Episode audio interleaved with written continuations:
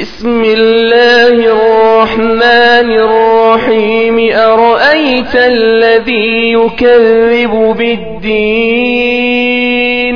فذلك الذي يدعو اليتيم. ولا يحض على طعام المسكين. فويل للمصلين الذين هم صلاتهم ساهون الذين هم يراءون ويمنعون الماعون